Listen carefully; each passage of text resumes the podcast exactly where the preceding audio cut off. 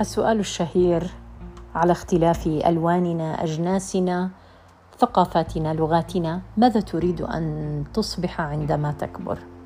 كانت إجابتي أريد أن أكون طبيبة وبالطبع هذا لم يتحقق لأسباب مختلفة من الصعب الآن الخوض بها.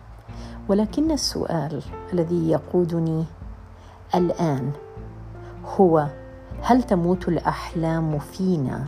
هل ننساها؟ هل نندم عليها عندما نكبر؟ هل نحاول أن نطاردها عندما تصبح الفرصة سانحه أم أننا نقبل بأن هذه الأحلام لم تتحقق أو يتغير شكلها من شكل إلى آخر؟ بدلا من أن أصبح طبيبه قد أكون مضيفه طيران وبدلا من أن أكون مضيفه طيران فأنا مهندسة أو وزيرة أو رئيسة وزراء أو أو أو عالمة فضاء. السؤال الذي يطرح نفسه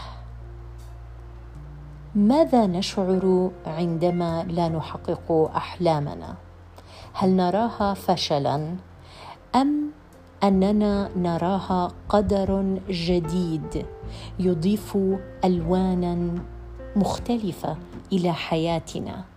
هل نضحك؟ عندما نتذكرها هل نبكي؟ هل نتساءل؟ أم هل نحاول أن نطاردها من جديد؟ أنا أعتقد أن الأحلام تتغير ويتغير شكلها. من شخص إلى آخر ومن وقت إلى آخر.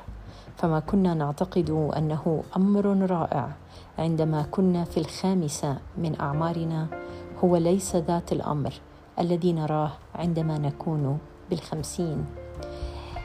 أعتقد بأن الأحلام تتغير وتصبح شيئا جديدا تضاف إلى حياتنا. لا تحزن إن لم يتحقق حلم كان لديك منذ الخامسه ولكن احزن أنك لا تستطيع أن تتقن ما أنت عليه الآن. مساء الخير.